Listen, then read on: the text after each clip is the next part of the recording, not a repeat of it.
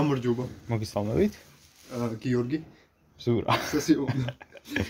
აა, მოკლედ დღეს თქვენ უსმენთ ზურას და გიორგის პოდკასტს, ჯერ სახელია მოგვიფიქრებია, ალბათ არც მოვიფიქრებთ. ო, პირველი და ბოლო ალბათ. ნახოთ. შემდეგ ზაფხულს შეიძლება კიდევ ჩავწეროთ ერთი. შემდეგ რა ამზაბო. ხო. აა მოკლედ დღეს ჩვენ გვინდოდა გასაუბრა რამოდენიმე თემაზე, რომელიც შევარჩიეთ დიდი წვალების შედეგად. ბევრი ფიქრის. აა, არც რა- საინტერესო რა თემები იყო შემახსენე? აა, დავიწყოთ კვირით. კვირის, დამოუკიდებლად. კვირის ამბები. რა მოხდა გიორგი შენ კვირის? აა, ჩემთვის განმავლობაში. ყველა საინტერესო. ნუ პირველ რიგში აბიტურიენტი ვარ და ეს ყველა მიცის და სწავლა განათლება ყველა დღე. რა თქმა უნდა. აა, მაგრამ კვირას გაგიკვირდებათ და გაკვეთილი გამიცდა და გადავწყვიტე მოდი პარემ დავვლებ თუ ხარ. და ერთი ზურა, ერთი კიდე ნათესავი ყავს ზურა და ერთი ბექა. აწავდით დავლიეთ. მაგრამ ძალიან დავლიეთ. არ უნდა დაგეხა. აა, ну მე ცოტა შეუძლოდ გავხდი. ცოტა. ცოტა. აა სახში მივედი, ძვის მივედი, აღარ მახსოვს, ნახევარი არ მახსოვს რა მოხდა, მე მომიყვნენ რაც გავაკეთე ყველაფერი და საინტერესო რაღაცები მომხდა რა. ჩვენი აა, ხო, ну, ჩემზე მეტიც დალიეს ალბათ ან ნაკლებიც. კი, მაგრამ მე მაინც დაბეკამ. ყველაზე ცუდად გავხდი. და ჩემი პირველი სერიოზული დათრობა იყო ალბათ ეს. სერიოზული პირველი ხო, ну, იმას- ფორჯონში თუ საი- ბაგურიან, ბაგურიანში. კურიანში ეგ სხვა რაღაცის გამო მოხდა უფრო. აა, არაჟანი, სკე- არაყი და ლუდი ერთად არ ღირს. უბარი მაგას მაგისტორიას მოყვი მაშინ ნი, რაღაც. კი, ბატონო. მოგდეთ, მოკლედ. იმაში პარა პრინციპში შენ ხო იცი, მაგრამ იმათ მარიცი. აა საზოგადოება. ჩვენმა მაყურებლებმა აა ესე იგი ორმა ახლობენ. ну, ზუკალო ბეკაზე ვარ. მოკლედ ბაკურია ვარ. მაგათაც იყო. იყავით. კაი, დავიკიდეთ არა უკობით. ვიდი, ვიდი თქვი ვარ. არაფერ ბაკურიაში ვიყავით, მაგაცის დაბადების დღე იყო. ვის თავდეს ხი? კო- კოჩი, კოჩი, ეგა ჩემი კლასი. აუ, ეგის ხო არა, ა თუ არა. მაშინ რომ მაგრად დათვრა. რა ერქვა მაგას? აა, ტელე- ტელეფონის მაგივრად რო ის მივაწერეთ. ა, ეგ ბარსონა, ხო, ბარსონა. ბარსონა ძალიან თრება. ეხლა იმ დღეს იყვნენ იმაში, რა ქვია, გორში იყვნენ. აა, კიდე კლასების დაბადების დღე იყო, მან ვეღარ წავედი. და მანდაც მაგარი რაღაცები უკეთებიათ. და ნეტავ ყოფილიყავ, მაგრამ არა უშვის. ეგ არაფერი. შეკერა თავარია კვირას დათვერი კარგად. ჩემკენ? ჩემკენ სამსახურში მქონდა ერთი სიახლე. ახალი პროექტი, აი, არა, ახალი პროექტი არა.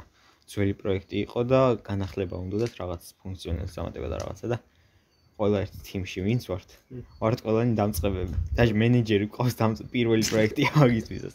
ოდაი მედია რამეს არ გავაფუჭებს და ყველაფერს კარგად ვიზავთ. ის Reddit-ის საქმეობა მით.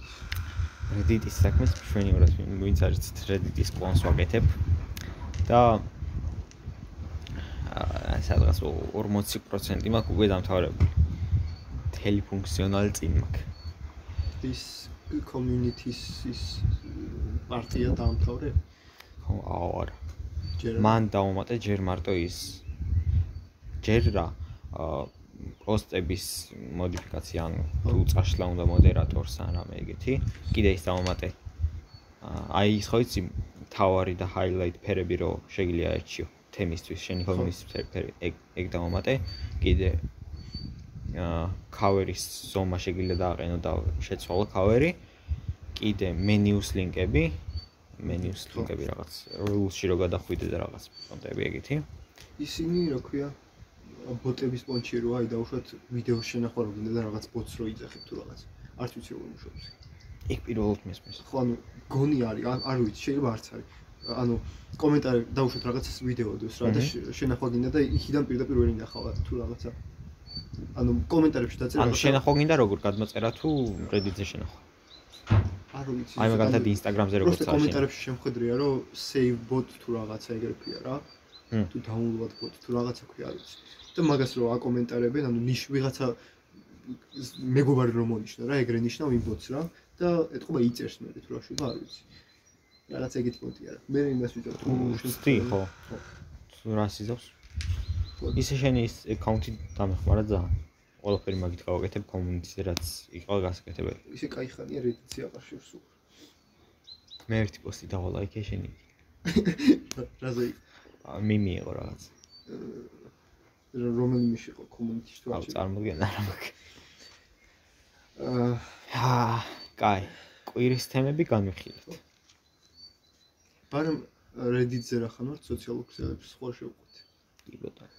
აა სოციალურ სოციალურ ქსელები ქსელები ხარ არის. რისი მომხმარებელი ხარ? მე ვიყენებ ზირთადად როგორც დარჩინი საქართველოს უმეტესი მოსახლეობა, ხმა მაყლა არ მგონი იმის. საქართველოს უმეტესი მოსახლეობა, Facebook-ს ვიყენებ, აა, Instagram-ს და აა, LinkedIn-ზე შევდივარ ხოლმე ხანდახან. ნიგი რომ აა, ეგ არის ჯობებისთვის რა ძირითადად თუ ანუ საქმიან რაღაცებს პოსტავ და ხალხი იკავშირდება რა. ან შეიძლება გამოაცხადო რომ ე- ეძებს სამსახურს და ვინმე თუ დაინტერესებულია შეიძლება შეუთავსოს. კიდე კიდე ის ქართული ის როა იცი? აა ქართული სოციალური ექსელია, feed-ს იქვია. გამიგია, მაგრამ ნანახი არ აქვს. მე მქონდა ამის განმოწერილი და დიდი ვერა. ხო, ქართული რა იქნება. ანუ რაღაცა ის გვაქვს. კაი მოხდა. ან რაღაცეები დევს ხოლმე საინტერესო. მაგრამ ქართველებისთვის ცოტა ანუ პატარა ერი რო ვარ, ცოტა რთულია რომ ყველა ერთად გადავიდეს. ან ცოტა ეს ხალხია სოციალურ- ხო რა. და ეგ ცოტა ხალხი რო ხარ, მე უკვე მ, რთული მოსახოდია რა თვითონ. კი ბატონო. და ახლა იმებში სოციალურ ქსელებში მეც თითქოს იგივე, Facebook-ი, Instagram-ი, Reddit-ი, რავი, ძალიან მომწონს. ხო, Reddit-ს მეც ვიყენებ. ხო, ანუ კომუნიტები, საინტერესო კომუნიტებია და თითქოს ყველაფერზე, აი, რაც არ უნდა დასერჩო, ყველაფერს აქვს თავისი ისა რა, კომუნიტი. და აა ხარისხი, აი მე მაგალითად ძირთად უფრო მიმების და ეგეთ პონჩი აჰა. ვარ, აი PewDiePie, KSI და მაგ- მაგათ სასტავის ისინი მაქვს გამოწერილი. და ძირთად ხო ეგრე გასართობი რაღაცეების სანახავად მაქვს და მე ახლა მინდა Reddit-ზე რამე ესეთი კომუნიტები რომ ვნახო რა, საინტერესო თემებზე რომ ხო. იყოს საუბარი. აი, მაგალითად რამე ცნობილ ადამიანების ჭორებიან რა მithqავს. ეგ და ის. ხო და აა, ნუ Reddit-ი კაი ის არის, სოციალური ისა, აჰა, ფუტკარი. ესენ კიდე ჩუბობენ?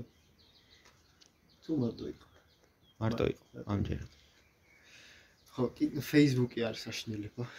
კი დამხვევი. რა ვაფშე აღარ, ნუ Facebook-ზე შევდივარ პოსტა რომ ხალხის რაღაცები ნახო, ვინ მას აზიარებს რა ძირითადად. იმიტომ რომ დადებით არაფერი აღარ დამიდია. არც მე კაი ხანი. გაზიარებები მარტო. არც მე. არა, მე გაზიარებაც აღარ. ხო, შენ პრინციპში ვაფშე აღარ ხარ მაგრამ შენ ინსტაგრამზეც არ აქტიურობ ხო. იმედად რა. ადრე უფრო იმუშავდა იქ ფოტოებს რო იღებდი და რაღაცა უფრო დებდი მაგებს და ეხლა არც მაგას აღარ ვაკეთებ. და ინსტაგრამ უფრო ინსტაგრამზე ვარ მე ასე თუ ის. მე დეიებსაც აღარ ვდებ Instagram-ზე და არც Facebook-ზე. ხო და მე ინსტაგრამზე უფრო სტორებს ვაწვევი რა. პოსტები ასე თუ ისე ნაკლებად. გა- განსაკუთრებით ეხლა ბოლო პერიოდში, იმიტომ რომ ვაფშე აღარ ძალიან მაგისტის. ანუ გარეთ ვეღარ გავდივარ თითქმის და ფოტოებიც არ მაქვს შესაძლებელი. Twitter-ია კიდე ერთი კაი. ხო, ზე- ნუ, ამ Twitter-ი- გონ Twitter-ზე ისეთი არაფერი არ ხდება. ხო რა, ანუ ან ეხლა დავინტერესდი, რომ ბევრი იყო Twitter-ს ვინც იყენებდა და მეთქი გადავხედავ რა სიტუაცია თქო, ანუ ადრე გავაკეთე ძალიან. აა, მე ხო, მეც ეგრევე ადრე მქონდა დავიკიდე. გაკეთებული და აა, არ ვიცოდი საერთოდ თუ მქონდა და ამის იმ დარეგისტრირდა თუნმე მარი. ხო, და ჩემი ძველი ფოტო ჩავიგდა. გუნახე. ხო და ისა აა რაღაც მომენტი თქო. ხო, ნუ Twitter-ი, რავი, მე გამოწერე ეხლა კიდე ამ ცოტა ხნის წინ ერთი თვის წინ თუ რაღაცა და აუ მოღამი ვერ იმოსქენი, რავი, რა დაუჭირე. ცნობილი სას- ძირითადად მაგათ სელებრიტების ის არის რა, რომ მაგათ უნდა იმას ქნა. დანარჩენი ხო ხო. ქართველები მაგათ ქართველები მგონია. ხო, ან ძალიან ცოტა. პოლიტიკოსები ან რამე ცნობილი ხალხი თუ არის და იშვიათად პოსტავს რაღაცებს. იგი მოჩუ ქართული პოლიტიკო პოლიტიკოსები პოსტავენ, ნო? აა ჯაფარიძე ფინახია და ჯამფარა ხო. ხო, მაგრამ ტვიტერს მოღამ ვერ დაუჭირე, ვერც. მაგრამ რა ვიცი. მაგას ვერ გეტყვი რამე ტვიტერს. კიდე რა სოციალური ქსელებია გავრცელებული. TikTok-ი. უუ, TikTok-ი. TikTok-ი მე ძალიან- ძალიან ძალიან- მე ძალიან მომწონს. ბიჭო, თავიდან მე ისეთ დამოკიდებულა მქონდა, რომ ძალიან კრინჯი ბავშვების ის არის. ეგ ყველა ეგრე იყო, ანუ აა, ვინც ყველა თავიდან ეგეთში თავის აქვს რა შეხედულება და მე რო იწერენ და ვიდეოები რო ევასევათ. ხო, აი, რაღაცეები არის კარგი. ხო რა. თავ ან ვიცი როგორი პონტი მან ხო ის არის რომ ალგორითმის პონჩი ანუ რასაც კი. დაი- დაალაიქებ მე რა იმას გიგებს რა აა, რასაც დაალაიქებ კი არა. აი, რამოდენიმეჯერ რო უყურო ხო. მაგალითად ერთ ვიდეოს უკვე იმესნაირს გიგებს.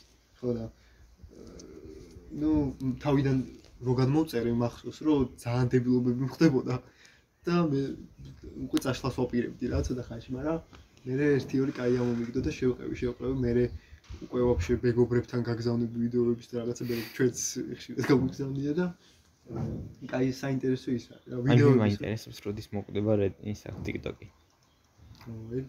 ტული აი თავისით აი ვაინი ვაინი რი- როგორ მოკვდა ვაინიც ეგეთი პონტი ხო ხო, თავისით მოკვდა. ანუ ანუ არაფერი არ უნდა სუქნიათ აი ხა ტრამპი ეჩალიჭებოდა იქ ამერიკაში იმას რა ქვია დაბლოკოს მაგრამ მუსიკალიც ეგრე გავრცელებული იყო და მუსიკალი გადაკეთდა მე ხო აი TikTok-ად. TikTok-ათ არის გადაკეტებული გადაკეტებული ანუ მუსიკალი კიდე იმაშია. ხო არსებობს და შეიძლება კიდე შეიძლება კიდე ეგრე გაგრძელდეს რომ ანუ TikTok-ი გადაკეთდეს კიდე რამე სხვა ხო, ანუ ეგ ისე მარკეტინგისთვის კაი რაღაცა არის. ი- ვა- ვაინი ვაინი ა- ა- არ არ ვიყენებდი მაგრამ რაღაცა აა, ის იყო კიდე კუბი. ხო, ეგ აუ, ეგიც ძალიან კაი იყო. ხო, ეგეც ეგ ხანდახან ახლაც არის ხოლმე იმაში მოდაში. გამონათებები აქვს. ერთი ორი კაილოც ამოვარდება ხო. და კიდე, კიდე რაზე გუნდოდა საუბარი? ну TikTok, TikTok-ზე ხა აა, კიდე ქართველებიც იცი როგორ გქონდია ქართველები, ვინც იყვნენ მაგალითად მე აა ვინც მომწონდა ყოველთვის ძალიან ანუ კრეატორები აჰა. აა, აღარ არიან რა, ანუ ერთი ორი ტიპი იყო რომ ხო, მახსოვს, ძალიან მაგარ კი. ვიდეოებს დებდნენ და რა, ყოველდღე ველო- ველოდებოდი მაგათ ვიდეოებს და რაღაცა და ეხა იმდენად არ მყავს ეგეთი ფე- ფავორიტი ქართველი კრეატორი რა უცხოელებშიც რა მგონია რომ ეგეთი აუ, მე ის ხო. მელასება ძალიან უცხოელებში. 3D პრინტზე რო აუ. აკეთებს ხოლმე რაღაცებს. მაგარი ბანძი ჯოუკებია ქვალს აა, ხანდახან კაი რაღაცა გიმოწოდება რა ძალიან ისე პოლიცია რო იყო მაგასთან სახში, იცი? არა? აუ, რაღაც გააკეთა და მაგის გამო მივიდა პოლიცია სახში და ვიდეოს ანუ უღებს. რაღაცა ხო სადღაც მოვისმინე წავიკითხე თუ რაღაცა თუ ვიღაცამ მითხრა მო და რაღაცა მახსოვს ეგეთ ხო. მომენტს რა და ქართველებში ერთი ასე თუ ისე ნორმალური ტიპია კორსიზირო ხო იცი კი. აი მან მაგასაც ისე- გაუბანძდა ეხლა ხო, რა. ხუმრობ. თავიდან თავიდან კაი კაი იყო. იყო. ხო, და მე თავიდან ყველა კაი იყო. ხო, რა, აი, მე- ბევრი იყო კაი, მაგალითად მისტერ გამარჯვებას კაი ხო იყო თან. ნუ ეგ შეეშოთ ხო, მაგრამ მე შეეშვა. პრინციპში ჩვენც მოგვიწევდა უკვე და გაბანძდა და მაგიტო შეიშო. ხო მაზარია და ეს კორსიზი უკვე კიდე ერთი და იგივე შუტკებით ხო. იმაშება და ის ტიპიც კაი იყო, რა ქვია. გიტარაზე რო უკრავდა. სათვალიანი ტიპი რო იყო. ბებოზე რო გადაობდა ხოლმე. აო ხო ეგ სხვა შორის კორესის მაგაცია. ხო ვიცი აა ხო და მაგას ეგ აა, ძალიან ნიჭიერი ტიპია სხვადასხვა შორის რაღაცა ხმებით მაგრამ იმაშება ანუ აა, კაი ვოკალური მონაცემები აქვს ეგ თუ ლექსორატი არის. რა ო, აა, რაში გააჩნია ვოკალით ე- ეგ ტიპი და გიტარის აუ, არ, ლექსორატიანს ძალიან მაგარი ხმა აქვს რა. ბიჭო განსხვავებული ხმა აქვს მაგრამ აი მაღალ ნოტებს ვერ აი კაჩავს რა მიმიკებს რო ამღავებს ხოლმე ხო, ეგ- მუსიკის დროს. ეგ ეგ უკვე ვოკალურის აღარ არის ეგ ო, უკვე არტისტობა.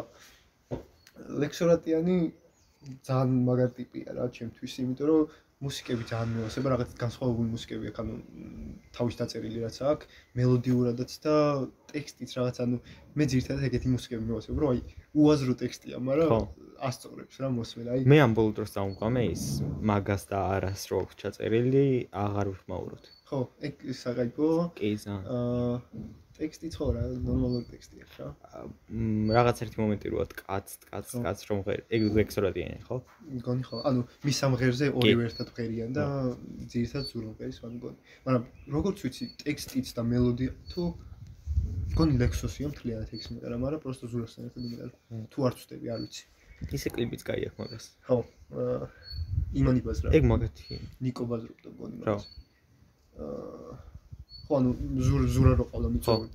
მანდი ბაზრა რო ისაო.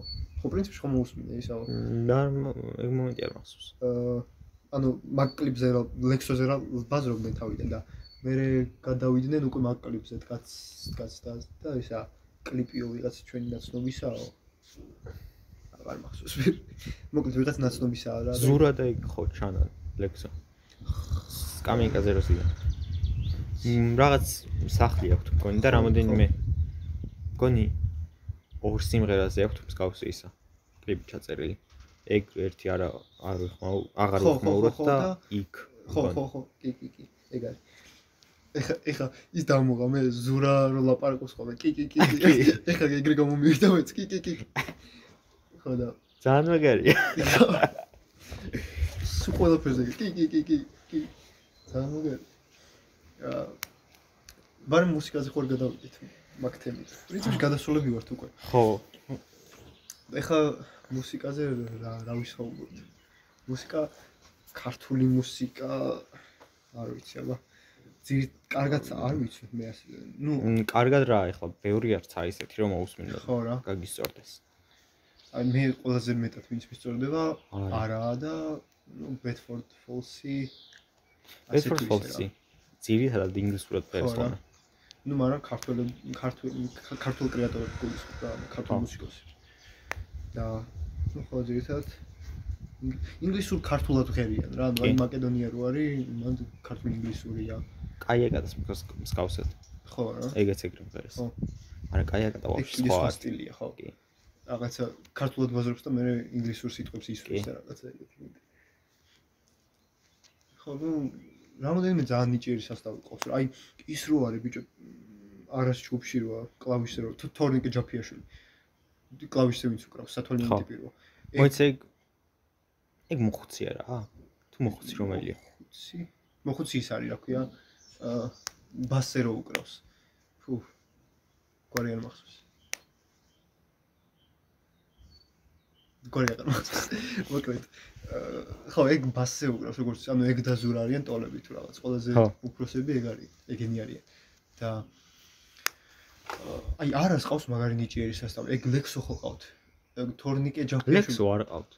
როგორ არა? ანუ პროსტა ის ქონდათ მაგათ. არა, არა, არა, ჯგუფშია უკვე, იმენა ჯგუფში, ანუ ლაივებზე იყო? ხო ლაივ ხო ლაივზეც იყო იმ ვაკეს ვაკეს პარკში რო იყო ლაივი, თქვენ მან- რა იყავით? ხო მანდაც უკრავდა ხო. იმაზე კლავისი თორნიკე იყო მგონი ხო მგონი თორნიკე იყო ანუ ეგ თორნიკე იცი როგორ გონტია აა ძალიან ბევრ ჯგუფშია რა იმინა ყველა აი დღეს ზურაც ჯგუფში- ხო ეგრე იყო. ბიჭო ზურა იცი როგორ იყო ჯერ ზურგი მერე ყველა. ხო მაგრამ ეგენი დაიხურა და მე ანუ რო იხურება აა, მე ყველა და არაში ერთდროულად იყო მგონი.